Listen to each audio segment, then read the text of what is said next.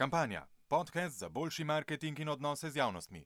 Dragi moji, eh, pozdravljeni v prvem uradnem delu. Eh, ja, nulta epizoda bo tokrat samo ena, zdaj imamo celo ime. Začuda nisva dala imenu eh, podcasta, pomembno se je imenovati Petra, ne? ker Petra razloži, zakaj je Petra, pač, zakaj nisva dala imenu, te, zakaj nisva dala imenu podcasta, pomembno se je imenovati Petra. Zato, ker bi potem verjetno vse PR-ovke Petra v tej državi pričakovali, da jih bomo slejko prej povabili pred mikrofon. Okej. Pa ne bomo. Trend Ampak- je samo v nulti, pa v prvi epizodi, potem bomo pa nadaljevali mogoče s kom drugim. Dobro, razloži ta trend zdaj, koga imamo danes, oziroma s kom se danes pogovarjava. Danes smo pa pred mikrofon povabila Petro Ivančič, direktor so službe za odnose z javnostmi z vzajemne. Petra, zdravo. Živijo, hvala za povabilo. Hvala tebi, da si se odzvala, kljub temu, da te lahko tudi Savič kaj vpraša. Pa vemo, da je nepredvidljiv. To, to je grozen, to, to so mi že ne, pohvale, ki smo jih, ki si jih ti fišala po LinkedIn in po ostalih omrežjih za ta podcast, so bile zelo je dober, čeprav je Savic zraven. Tako da jaz ne vem, kaj je folk s tem mislil. Dragi Jaz mislim, da se mu je nek, nek ta predlog sem ime zamešal. No. Mislim, da ni bilo čeprav, ampak. No, ok. Uh, jaz sem čisto tako mislila, kot sem tudi povedala. Tako da, dragi poslušalci, prosim, povejte, kaj ste mislili s tem, da je zraven tudi Savič, pa čeprav je zraven tudi Savič. Jaz mislim, da Savič mora biti vsaki resni stvari v tej državi. Tako da danes se bomo pa osredotočili raje na Petro. Petra, ti si začela svojo kariero kot novinarka. Delala si tako v časopisu kot na radiju, pa potem tudi na televiziji, potem pa si prestopila na dark side, na temno stran iz novinarstva, v odnose z javnostmi. Uh, delala si najprej v agenciji Pristop, uh, potem si tudi prevajala in zadnjih 14 let se pokvarjaš z odnosi z javnostmi na zavarovalnici Vzajemna. Uh, poleg tega, da si direktor za službe za odnose z javnostmi na Vzajemni, si pa tudi uh, v, vod, vodiš odbor za osveščanje potrošnikov in komuniciranje z javnostmi pri Slovenskem zavarovalnem združenju. Povej mi za začetek, je poznavanje dela v medijih nekaj, kar mora PR-ovec dati skozi, preden prestopi na temno stran? Ali katere, katere lastnosti, katera znanja, ki si, si jih pridobila v novinarstvu, oziroma mogoče v prvem delu svoje kariere do sedanje, ti najbolj koristijo danes pri svojem delu v PR-u? Puh, glede na to, da je to je pravzaprav precej osebna stvar ne, in bom čisto iskreno povedala, da kot mlada punca sem si predvsem želela delati v novinarstvu. Potem me je pa pravzaprav splet okoliščin eh, pripeljal eh, v to, da sem danes na tej temni strani, čeprav jaz temu ne bi tako rekla. No. Jaz moram reči, da v svojem delu zelo uživam. Uh, medije sem kar v redu spoznala, zelo veliko sem delala, uh, moram reči, da sem v svojem delu tudi uživala, ampak v eni točki, predvsem po diplomi, se mi je zazdelo, da bi rada še kakšen korak v življenju naredila. Uh, pa moram reči, da uh, to, da sem šla vmes delati iz medijev na agencijo, je bil pravzaprav, uh, pravzaprav bolj stvar na ključja, ker sem ugotovila v tistem času, da enostavno, ker preskok iz medijev v PR ni tako zelo enostaven, da se mogoče pametno vmes še česa naučiti. In sem šla takrat do Dejana Verčiča na pristop, ga milostno prosila, da sem pripravljena to čist na dnu začeti. Potem sem imela tam res pol leta uh, trdega drila iz PR-a, šele takrat sem jaz videla, kaj pravzaprav PR točno je. Uh, v tistem času je bil pa že tudi razpis za delovno mesto tukaj objavljen in sem se vmes že malo dogovarjala, no, tako da sem iz agencije relativno hitro potem sem uh, prestopila. Tako da uh, to, da poznaš funkcioniranje medijev, njihov utrip je definitivno fino, je pa tudi odvisno, s katerim področjem v bistvu v PR-u se ukvarjaš v taki finančni industriji, kot je tudi vzajemna in v zdravstvenem sistemu je že fino, da kaj v medijih pa seveda veš. Ne? Ampak mediji so seveda samo ena javnost, s katero uh -huh. seveda kot PR-ovec delaš. Eh, Meni se zdi, da pogosto se zgodi, da novinarji preidejo na PR-ovsko stran, pa mislijo, da bodo delali samo z novinarji na, eh, na, na te, v tej drugi novi temni strani. Uh -huh. Pa se jim zgodi, da morajo delati še z zaposlenimi, pa še z upravami, pa nadzor, za nadzorni svet pripravljati, pa za sindikate. Je to to, o čemer si ti prej gov- govorila, ko si omenila, da uh, si si želela nabrati neka dodatna znanja, preden si se podala? Točno to točno to, kar si ti zdaj povedala. Ne? Dejansko je predstava o PR-u, dokler dela pobliže ne spoznaš, mogoče malo uh, kako ne rečem, povšalna. No. Definitivno niso to samo odnosi z mediji, komuniciranje z mediji. Mi imamo recimo eh, znotraj zavarovalnice tudi eh, recimo urejeno področje komuniciranja z zaposlenimi, organizacije dogodkov, potem zelo pomembno področje so strokovne javnosti. Tam je zelo, zelo veliko nekih aktivnosti, sploh v tem zapletenem zdravstvenem sistemu. Kdo je to recimo pri vas? Eh, pri nas eh, v bistvu je ključna za zavarovalništvo recimo Agencija za zavarovalni nadzor, potem smo člani Slovenskega zavarovalnega združenja, potem recimo imamo opravka in zdravniško zbornico, Združenjem zdravstvenih zavodov, ne na zadnje Zavod za zdravstveno zavarovanje Slovenije, skratka vsi, ki v tem velikem sistemu funkcionirajo. In je zelo velik podarek tudi na komunikaciji na vseh teh ravneh. Eh, pa mogoče kar na tem mestu uh, nam lahko zelo poenostavljeno predstaviš, kako pravzaprav funkcionira naš zdravstveni sistem, uh Mhm. -huh. kateri akteri ga vse tvorijo in uh, kaj lahko ljudje naredimo, navadni državljani, da bi bil ta naš javni zdravstveni sistem boljši. In ne nazadnje, umestiš seveda tudi vlogo vzajemne v samem zdravstvenem sistemu. Zdaj, zdaj ne vem, če imamo tri dni časa. Vse poenostavljeno. Ja, zdravstveni sistem je zelo kompleksna stvar. Uh, Tako kompleksna, da me je v neki točki začela blazno zanimati. Jaz sem tudi uh, precej uh, preštudirala tuje zdravstvene sisteme. Ena zadeva, ki se mi zdi zelo pomembna, je, da zdravstveni sistem je suma sumarum vreden dobre 3 milijarde evrov letno. Uh, To poudarjam zaradi tega, ker je pri nas še vedno neka percepcija, da je zdravstvo zaston, pa ni. Mi kar nekaj od svojih plač uh, in pa tudi neposredno iz žepa prispevamo za to zdravstvo. In jaz sem uh, zelo prepričana, da je potencijalni bolnik, a ne vsakdo od nas, tisti, ki bi moral biti absolutno v fokusu zdravstvenega sistema. Zdravstveni sistem, če malo poenostavim, sestavljamo, um, na prvo mesto postavlja zavarovalnice, ker iz zavarovalnice prihajam, ampak Zavod za zdravstveno zavarovanje, potem smo tri zasebne zavarovalnice, preko 1600 izvajalcev zdravstvenih storitev z vsem zdravniškim eh, osebjem, z vsemi medicinskimi sestrami. Puh, koga bi še omenila? Lekarne so seveda pomembne, uh, predvsem pa so bistven element tega sistema 2 milijona ljudi, ki v to prispevamo in ki v primeru, da potrebujemo zdravstvene storitve, uh, pričakujemo neko kakovostno storitev v nekem normalnem času, uh, pričakujemo možnost izbire, prijaznost, človeški odnos in jaz mislim, da vsi, ki se ukvarjajo z zdravstvenim sistemom, bi se morali v bistvu fokusirati na to točko. Kar se v velikih razpravah o zdravstvu dogaja, je to, da, da takoj veš, odkje prihaja posamezen predlog za spremembe. Zato, ker bi vsak mal po svojem vrtičku, zelo mali pa fokusa na pacijenta oziroma na bolnika, jaz imam reči besedo bolnik, eh, ki je mogoče malo zelo marketinško rečeno, on je ključna stranka v sistemu.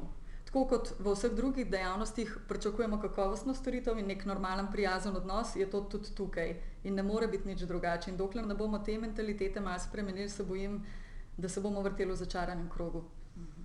Kaj lahko mi, državljani, torej stranke, eh, ki dejansko plačujemo vsak mesec, mi smo dejansko naročniki, mesečni naročniki zdravstvenega sistema, tako rekoč, eh, kaj lahko mi naredimo za to, da bi se ta sistem izboljšal in kateri so ključni problemi zdravstva v tem trenutku? Jaz bi rekla tako, z vidika bolnika je ključno to, da se znebi nekega strahu respekta in da zna zahtevati tisto, kar mu pripada. Pa bi v bistvu priporočila vsakmu, da najprej pogleda svojo plačilno listo, koliko namenja vsak mesec za obvezno zdravstveno zavarovanje. Mi imamo res občutek, da je vse zaston, zato ker živimo v konceptu neto plač, ne bruto. Uh, te prispevki so kar lepi, so kar visoki, a ne.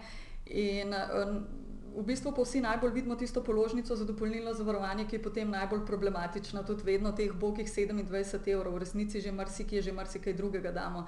Da ne govorimo o tem, da ko zbolimo, pa določene zadeve ali niso krite, ali ne pridemo do njih, ali si kupimo neka samoplačniška zdravila, tudi tisto, s tistim delom mi financiramo zdravstvo. Ne? Mislim, da je zelo pomembno to, da smo mi v vlogi bolnika opolnomočeni in da tudi si upamo vprašati, si upamo zahtevati. Mi smo zaradi tega vzajemni vzpostavili eno storitev, ker smo videli, da tukaj nekaj ne štima. In uh, mislim, da smo v 20 upeljali storitev vzajemna pomoč, zdaj imamo to zajeto v našem programu Varuh zdravja. In Ki je na voljo vsem vašim. ki je na voljo našim članom z dopolnilnim zavarovanjem. Ja. In uh, smo jim omogočili možnost, da če se ne znajdejo v sistemu, da jim mi pri tem pomagamo. Pa je bila to samo ena v naboru storitev, ki smo jih ponudili. Na koncu je izkazalo, izkazalo dejansko to, da se ljudje tako težko znajdejo v tem sistemu, da je bila ta daleč najbolj izkoriščena.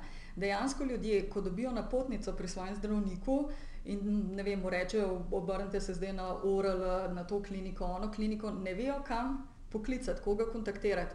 In mi v bistvu imamo tukaj zelo veliko te komunikacije z zavarovanci, da, jim, da jih pravilno usmerimo.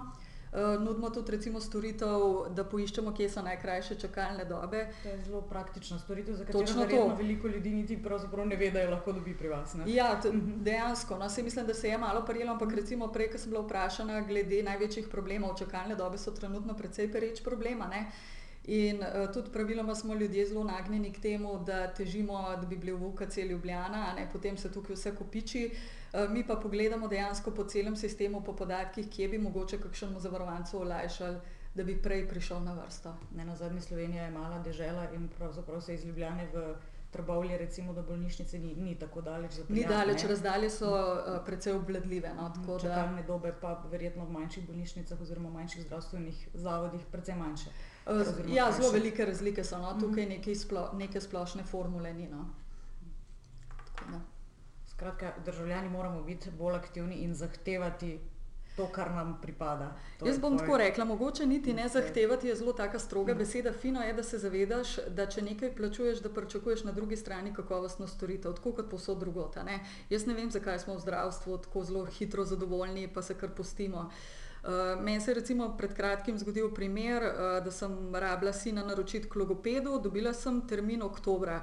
Pa je bila potem mal debata, čist prijazna, nobenih zahtev, noben, nobenega ne vem, izsiljevanja ali karkoli. Na koncu smo prišli do tega, da imam zdaj nenadoma junija termin. Mislim, očitno se da, mal je pa tudi eh, človeški pristop tisti. No. Predvsem se ljudje ne smejo biti vprašati. Samo ni, da imamo eno savič varianto vmes, da ni tle malo glih to pogovarjanje oziroma to, da imaš ti vzpostavljen nek sistem ne, in uh Mhm. -huh. znotraj sistema ti pač najprej dodelijo vem, en datum, potem pa z nekim osebnim pristopom, pa z nekim šarmom, pa ne, se vsi vemo, o čem govorimo, uh Mhm. -huh. se, pa, se pa najde pol neki drugega. Ne. Ja. Tako, zakaj, zakaj se to ne najde od začetka, oziroma zakaj se v tem sistemu ne obnašamo tako, kot da smo vsi tako šarmantni, recimo, kot mi dva s Petrom? Z- Zakaj imamo mi dva pač to prednost, da, da ker to veva, ali pa mi trije, recimo, Mhm. ne, da ker to poznamo, da to je. Ne? Unika pa tega ne vejo, ker so pa recimo vem, prestrašeni, ker so pa ne vem, asocialni, ker so pa ne vem, introvertirani, ker ne vem, čuda enih razlogov je, zakaj niso vsi taki, kot mi dva, hvala Bogu. Um, da pa tega nimajo. Ne? Se pravi, da je sistem malo tako. Ne? Ja, to dejansko kaže tudi na neko slabost v sistemu. Če bi zdravstveni sistem funkcioniral na način neke storitvene dejavnosti, mi v bistvu plačujemo neke storitve, ki se bodo v prihodnosti zgodile, bolj ali manj bodo doletele čisto vsakega od nas. a ne. Uh, jaz mislim, da je upravičeno, da pričakujemo kakovostno storitev v nekem normalnem času. Uh, Malo, ko gledam zadeve za nazaj, se mi zdi, da je zdravstvo, uh, zdravstvo še ni dalo čez to od tranzicije, jaz rečem temu. Pa tudi eh, ljudje še niso bili tako polnomočeni, da bi znali vprašati, zahtevati, pa dejansko, da bi pričakovali, dejansko, da jih čaka tam neka kakovostna storitev. Hkrati pa tudi odgovornost na drugi strani. Uh, to pa jaz mislim, da bi pa dosegli samo z nekim kakovostnim upravljanjem teh zdravstvenih izvajalcev. Če imaš ti dober management, dobro organizacijo, potem tudi zaposleni vejo, zakaj so tam, kako morajo funkcionirati. In jaz mislim, da se mora tudi ta odnos do pacijentov oziroma do bolnikov bistveno spremeniti. In da mora biti nek red. Tipičen primer so recimo čakalne dobe. Meni je nepojmljivo v tem času, v tej informacijski dobi, da nimamo na enem mestu neke enotne evidence, transparentne, ki bi bila vsem razumljiva. Vse imamo neke podatke na Nacionalnem inštitutu za javno zdravje, sem tisto moramo mi že svojim zavarovancem raztolmačiti, pa se mi še precej s tem ukvarjati, da vemo točno, kaj se zadnji skriva. a ne. Uh, Moram pa tako reči, no, en primer dobre prakse bom povedala. Jaz sem z Domžal, eh, tam v Domžalskem zdravstvenem domu se mi zdi, da stvari v redu funkcionirajo. Od splošne zdravnice damo skozi do pediatrije, ginekologije, laboratorija. Tam praviloma datume, ki jih dobiš, jih dobiš pravočasno, vs- vse se da dogovoriti, tudi recimo naročajo relativno eh, na uro, ampak mislim, da, da so se v eni točki zgolj dobro organizirali. In predvsem me fascinira tudi to, da tam sestre poznajo pacijente po imenu. Uh, vedno si v bistvu tam dobrodošel, že veliko zadev sestre v štartu rešijo. Mislim, jaz enostavno mislim, da tam so se v eni točki v roke vzeli in organizirali tako, kot je treba. No. Imam res, moram reči, kar nekaj izkušenj, tudi, otroke sem že imela na dveh operacijah, vse uh, v nekih bazičnih zadevah sistem kar funkcionira. To je treba tudi reči, ne, da ne bomo samo kritizirali. Je pa v velikih primerjih odvisno tudi od posameznikov, pa njihove odgovornosti, pa to, koliko se imajo voljo organizirati. Ampak le imaš recimo, ne glede danes, tole snemamo 22. aprila, danes je bila zjutraj uh, opozorilna stavka ne, in uh -huh. tle imaš dve novice, pa sta bile skupaj v isti, uh, v isti flehi. Ne. Na eni strani potrebujemo več časa za bolnike, zdravniki v UKC so začeli enourno opozorilno stavko, pa pa zraven ZZS, Fakina ne da, pismo iz ZZS poslancem, zdravstvena blagajna posluje uspešno. A, so, a je zdravstveni sistem, pač a je to nekaj, kar je, kar je mm, bolj navito okrog neke socialne države, oziroma ali bi mogel zdravstveni, zdravstveni sistem, če bi pravilno deloval, obvezno delati minus. Jaz mislim, da je to malce ta naša mentaliteta. Ne vem, jo je kriza prinesla, je bila že prej delati z minusom, vemo, dolgoročno ne gre kjerkoli. Uh, Dajmo reči, da je neka pozitivna nula, ki ti omogoča rast in razvoj. Zdaj, kako do tega pride še druga zgodba? Pustimo zdaj uh, za ZZS, pa pogledamo bolnice. Ne? Tam je neverjetno velik izgub se nabralo v zadnjih letih. Tako da um, jaz mislim tako, da v obveznem zdravstvenem zavarovanju uh, imamo nek manjko, da Zavod za zdravstveno zavarovanje je pravzaprav nek javni zavod, ki pobira denar in ga potem plansko razdeljuje. Eh, če pogledamo rešitve v tujini na tem področju, je kar nekaj dobre prakse. Jaz se resno sprašujem, zakaj mi tega nismo pripravljeni videti. Eno je že konkurenca v obveznem zavarovanju, da se začnejo mal med sabo uh, boriti z bolnike, z čim bolj kakovostne storitve. Uh, Ne vem, druga varijanta je, da funkcionirajo dejansko kot zavarovalnica z nekimi rezervami za takrat, ko prihajajo slabši časi. Recimo zadnjič sem brala v Estoniji, so krizo dokaj mirno prebrodili, ker so imeli pač kar dost rezerv še iz preteklosti. Pa so sicer imeli tudi neke finančne ukrepe, ampak načeloma ni bilo uh, tako boleče. Uh, tako da, uh, kar se pa stavke tiče, no, tole pa jaz mislim, da so zdravniki predvsem žrtev uravnilovke. Okay. Pri čemer pa, če želiš uh, to zadevo urediti, je pa treba tudi zelo jasno uh, urediti upravljanje pač bolnišnic uh, in pa tudi res določiti, da se točno ve, kdo dela, kaj dela, kakšna je njegova vloga v sistemu. Mi imamo tukaj še cel kup neke netransparentnosti, neorganiziranosti, enostavno se nismo prilagodili času. Najbolj pa to vidite, ko greste enkrat k zasebnemu izvajalcu, ker tam je pa kar nekrat prijazen odnos, točno naročanje in tako dalje. Tam se kar nekrat vse da in mogoče celo tudi pri ljudeh, ki sicer delajo tudi v javnem sistemu. No, ampak mogoče to tudi zato, ker se zasebniki zavedajo, da oni v bistvu si morajo zdaj stranko nekako pridobiti. Ne? Ker imamo mi v bistvu, če tako pogledaš, mi imamo v bistvu dva sistema, ki sta si v bistvu nasprotna, ne? se pravi zasebno pa javno ne? in ona dva zdaj kar je bolano, ne, po moje, tekmujeta med sabo, zdaj, kdo, bo, kdo bo več ljudi pripeljal skozi vrata. Ne. Pa, pa recimo, mogoče še komentar, uh, če, gledaš, uh, če gledaš Ameriko, ne, oziroma ta zdaj Obama, ker pa to mm. v mhm. bistvu nek socialized medicine, ne, vidiš, da so tam v bistvu začeli delati, da so imeli dejansko to, kar o čemer si ti ste vi prej razlagali, ne, ta um, uh, konkurenca, konkurenca, nismo se prej zmenili, konkurenca in, in, in pač, uh, pač ne, odprt trg, ne, so šli v bistvu do neke mere en korak nazaj ne, in so uvedli te nek subscription, pa naprej plačati, pa pojmaš v bistvu neke designated zdravnike, pa tako naprej. Ne. Jaz mislim, da tukaj primerjamo dve, dva radikalno različna koncepta. Evropa je vseeno malo drugače organizirala svoje socialne sisteme in jaz veliko raje pogledam tle po Evropi države, ali Nizozemska, ne vem, Norveška, Švedska, Danska, ki imajo v redu sisteme, ki jih recimo ocenjujejo po enakih kriterijih kot našega, pa so tisti vodilni, naše pa recimo na 19. mestu in v bistvu zadnja leta drsi navzdol. Uh mhm. -huh. Jaz bi tukaj gledala in ko primerjamo recimo te sisteme, je neko splošno pravilo tako, da imaš nekih 75-80 odstotkov odstotkov javnega uh, in pa potem 25-25 zasebnega. Mi moram reči, da smo finančno in v teh razmerih dokaj v povprečju. Problem imamo pa v neredu. V slabi organizaciji neredu. Mi imamo dejansko to, se nam dogaja, da isti ljudje delajo, uh, moj šef reče, najprej za izvajalca, potem pa še za njegovo konkurenco, malo karikirano. Mm. Uh, skratka, manjka nam malo organizacije, reda in odgovornosti Predvsem pa to, da v končni fazi imaš ali več izvajalcev ali več zavarovalnic, ki, si, ki v bistvu tekmujejo med sabo, zato da ti bojo na koncu vsi mal več ponudili, to je v redu. To, to vzpostavlja neka taka zdrava razmerja, vsaj praksa je taka. Ne? Pri nas smo zelo zadovoljni pač z nekim monopolnim obveznim zavarovanjem, z hiperreguliranim dopolnilnim zavarovanjem. Uh, vsem je nesrečnih 27 evrov malo več, čeprav vsi vemo, da je v resnici to nek uh, banalen znesek, če bi imel na koncu res dobro zdravstveno storitev v nekem normalnem času. Ker zakaj smo mi uvedli takrat z reformo dopolnilno zdravstveno zavarovanje, to, o tem se je politika dogovarjala že leta 92, ker noben od nas ni bil še niti v PR-u in teh zadevah. Uh, takrat so se zelo bal tega trga in pravih dodatnih zavarovanj. Prava dodatna zavarovanja temeljijo na tem, koliko si ti star, koliko si tvegani, se premije določajo zelo različno.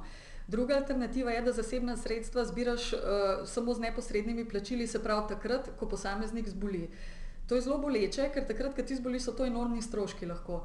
In so se tega vsega bali in so rekli, da je moraš vsak pomalo, da bomo imeli na koncu vsi vse. To je bila v resnici formula uvedbe dopolnilnega zavarovanja. Okay. Ampak tle imaš še zmeri, tle, tle še zmeri ne, ta, ta obvezno dopolnilno. Ne? Ja. Se pa vprašaš, okay, pa zakaj pa ne bi pač obvezno dopolnilno ukinili in dali mm -hmm. samo obvezno in imeli tam, ne vem, ne, da zdaj plačuješ 27 evrov vam oziroma eni izbrani zavarovalnici in potem še. Mm -hmm. 200 pa nekaj. Ja. Ja, ja. Ne, to, je- to je čisto logično vprašanje v tem sistemu, ki dejansko manjka ene temeljne organizacije. Uh, Pri nas je v bistvu z dopolnilnim zavarovanjem reševalo to, da je v javnem primankovalo sredstev. Zdaj, da bi šli v javnem zdravstvenem zavarovanju na večji obseg sredstev, da bi še povečali prispevke, bi to v bistvu za delovno aktivne pomenil totalen šok. So to, to prihaja, prihaja pol do nenormalno visokih zneskov in uh, že to je problem, da mi tam recimo niti socialne kapice nimamo. Ne? Uh, in drugo, kar je s tem res totalen monopol vzpostaviš. Bila bi alternativa, da bi mi rekli, odločimo se, kakšna bo temeljna košarica pravic.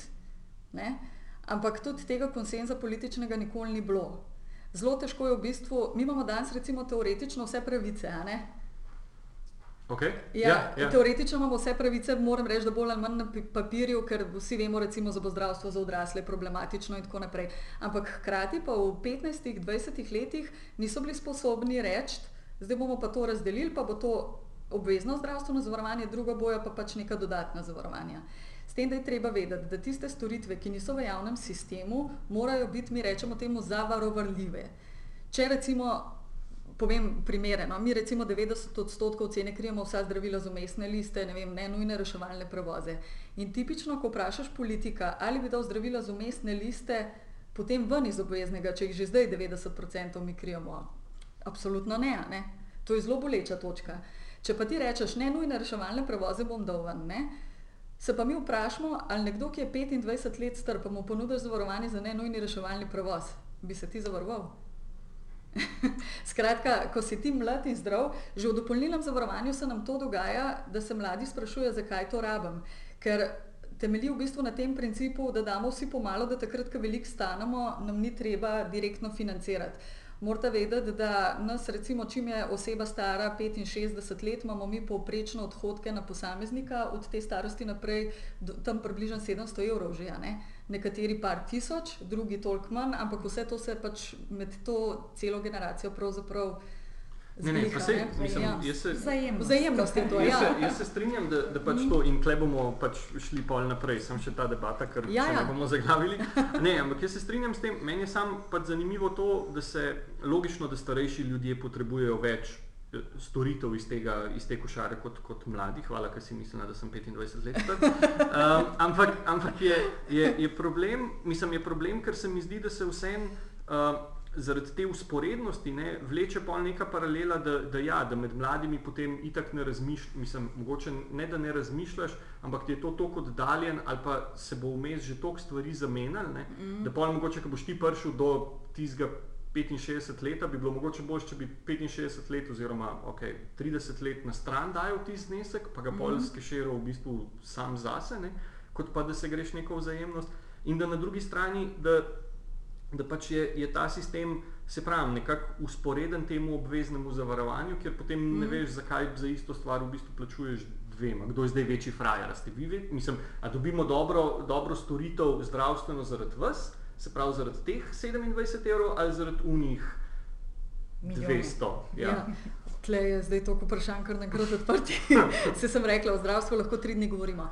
Jaz mislim, da prva temeljna stvar, ki jo bi- bi jo vsakdo od nas rabil, ko mi vstopimo v zdravstveni sistem, ko začnemo to plačevati, nam manjka temeljni element, to je zavarovalna pogodba. Z jasnimi pravicami in obveznostmi.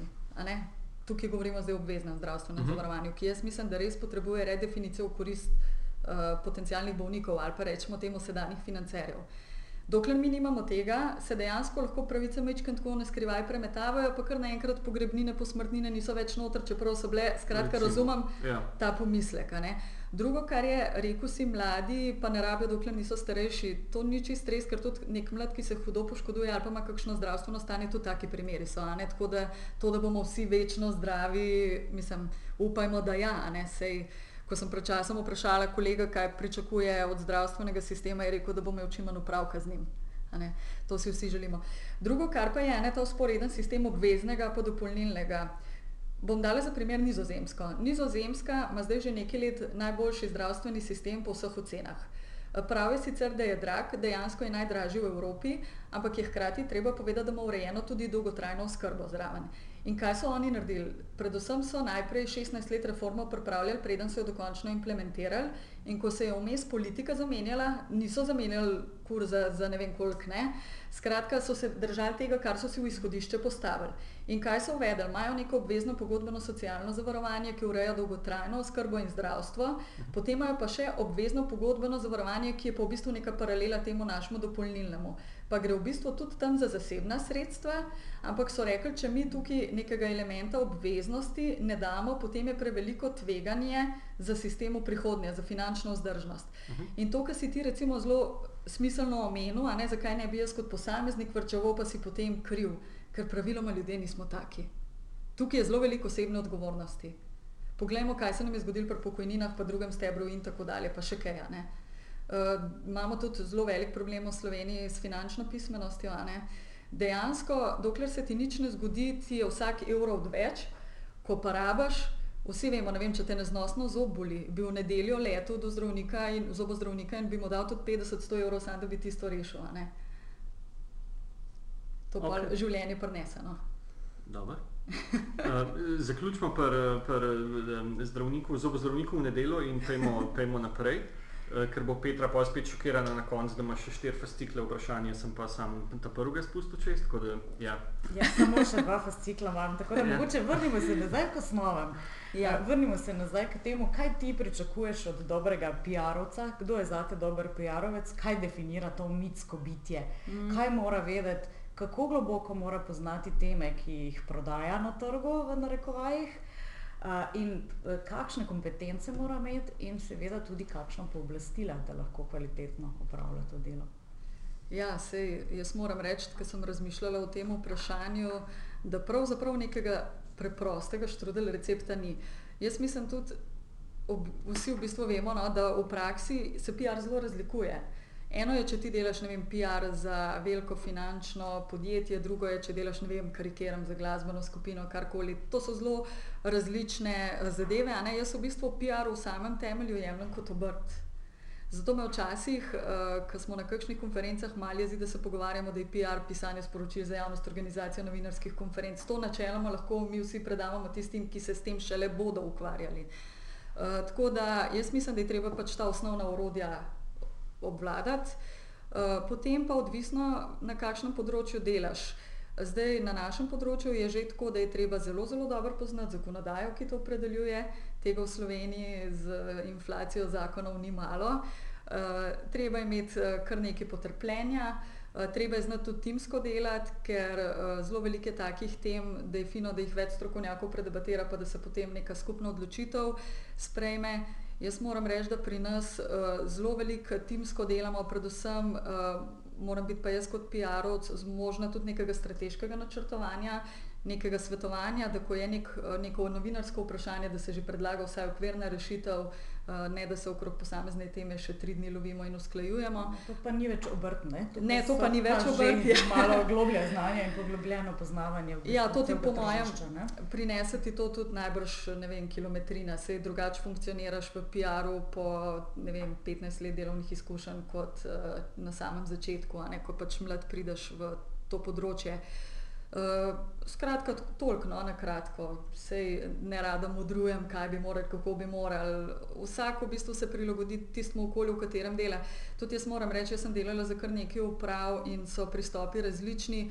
Trenutno, recimo, uh, s to ekipo, s katero zdaj delamo, je zelo, zelo fajn, zato ker si uh, na začetku leta vsi plane pripravimo in potem se tega držimo, ima vsak od nas odgovornost, da potem to izvaja in imamo zelo strogo tudi kontrolo nad realizacijo ciljev in tako naprej. Skratka, zelo pošlihtana zadeva. ne, in Za, če želiš pač to uresničevati, moraš biti tudi sam dovolj odgovoren, da za to skrbiš. ne. Kako se ti pa zdi, kje smo v marketingu in odnosih z javnostmi nasploh v Sloveniji? Kje smo, kam gremo, kdo štrli ven, uh, pa probujemo začeti s pozitivnimi stvarmi. Ja, uh, jaz bi se malo omejila tle na zavarovalništvo, ki ga definitivno najbolj poznam, tudi ko delam s kolegi na zavarovalnem združenju. Lahko tudi. seveda. Ja, malo mal gledam zavarovalnice, no, se mi zdi, da se vsaka od njih zelo trudi in imamo kar nekaj luštnih kampanj.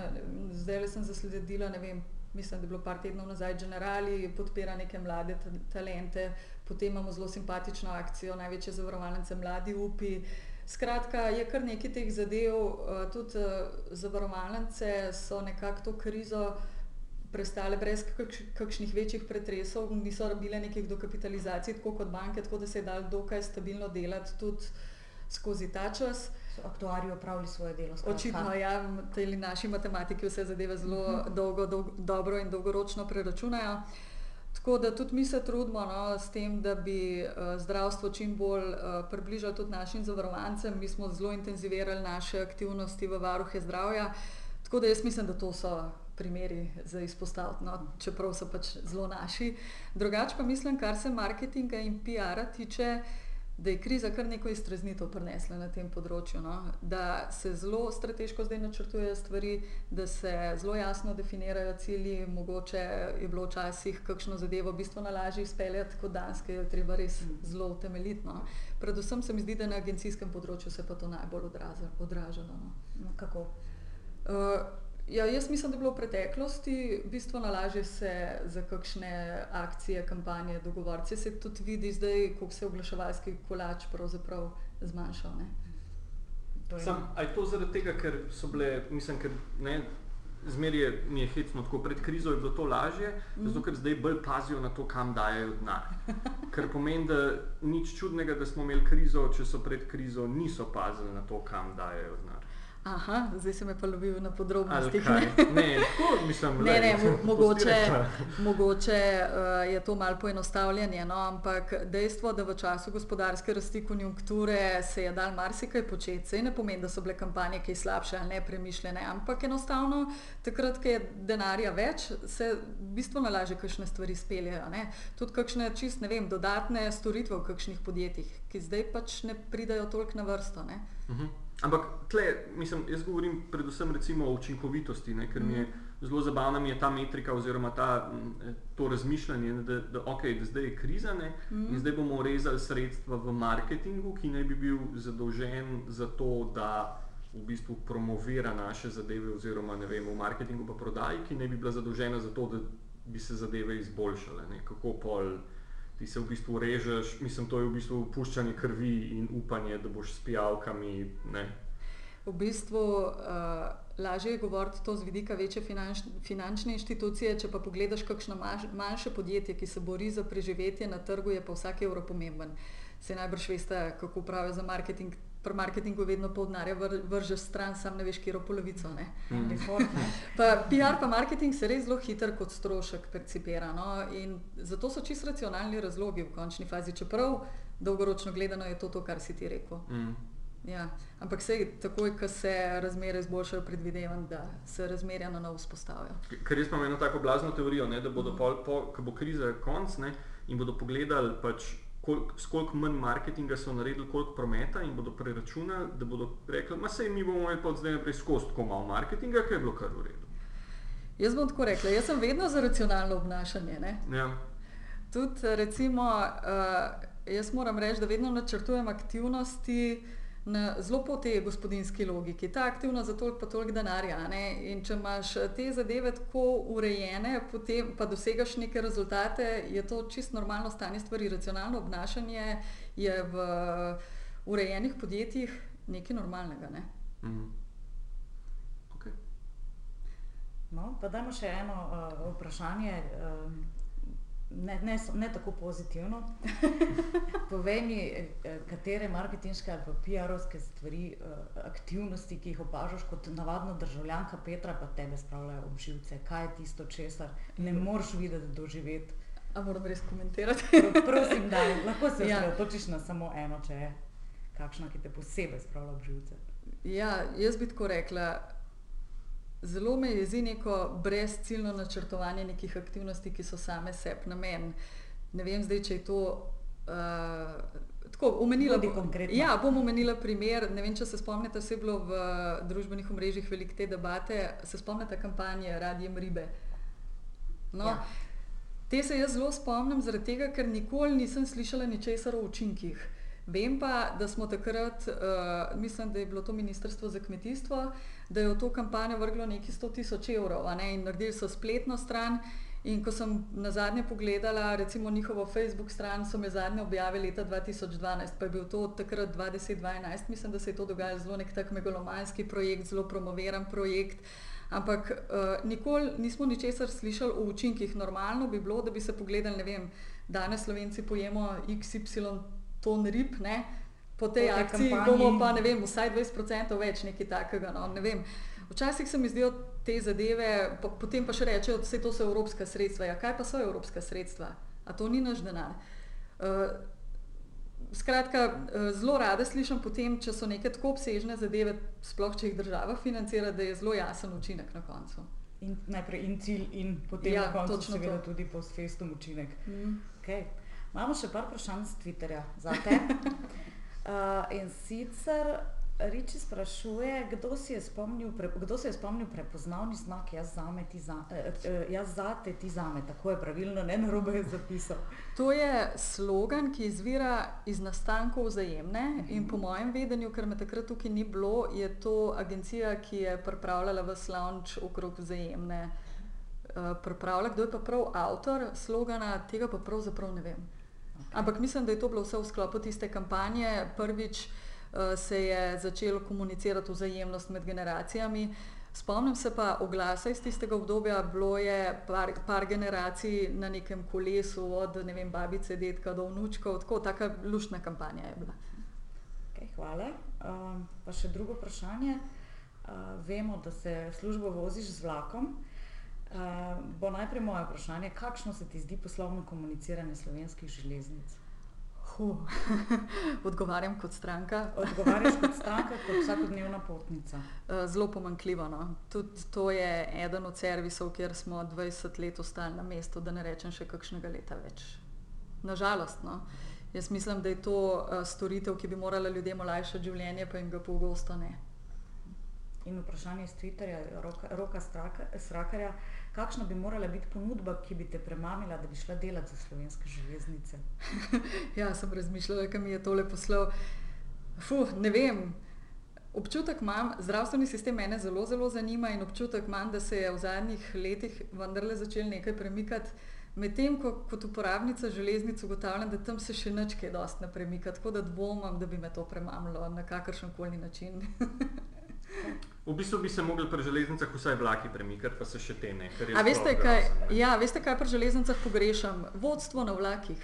Ker če se ti v službo pripelješ z avtom, potem ne veš, kako tvoja osnovna storitev funkcionira. Pol sklepam, da si ti pri vzajemni zavarovana. Seveda, in Dobro. tudi preverjam jih. Okay. to bo Petra tudi vedela. Evo, dragi moji, eh, to je bila prva uradna kampanja, eh, z mano sta bile dve Petre, naslednjič obljubimo, da ne gremo v to smer, oziroma da bomo najdli eno drugo ali pa mogoče celo drugega. A je to zdaj, poglej, pozitivna diskriminacija, same ženske? Ne? To je grozen. Kvote. Kvote. Zdaj smo, zdaj smo ja, presegli smo kvoto žensk v, v tem Naslednji podcastu. gost bo moški. Ne, ne, ne, ne še, dej še Morda. dva, še ene dve, še ene dve ženski, pa pa enega moškega, zato ker je glih zadnjič uh, Tomič uh, aparatus uh, komentiral, da ima ful slabo, um, ful slab uh, razmerje med moškimi in med ženskami, v prid obvisli moških. In da ga bomo mi našišali na tem, na tem področju. Prav, Tako da prosim Še prosim ene dve Petri. ženske, pa pa, pa pa lahko moškega. Hvala lepa, ker ste bili z nami. Uh, Hvala slišimo, uh, slišimo, vidimo se. eh, Kaj smo rekla, naslednji mesec? Tako nekako. Zdaj moramo doreči, pač, to je zdaj prvi uradni del, zdaj mi moramo skomunicirati. Reče se kampanja, Tako. delavajo enkrat na mesec in uh, zadnji, Snemava tam proti koncu meseca, launčava v začetku novega meseca. Evo. Slišali ste posneto, je, um, hvala lepa in nasvidenje v novi kampanji. Čau.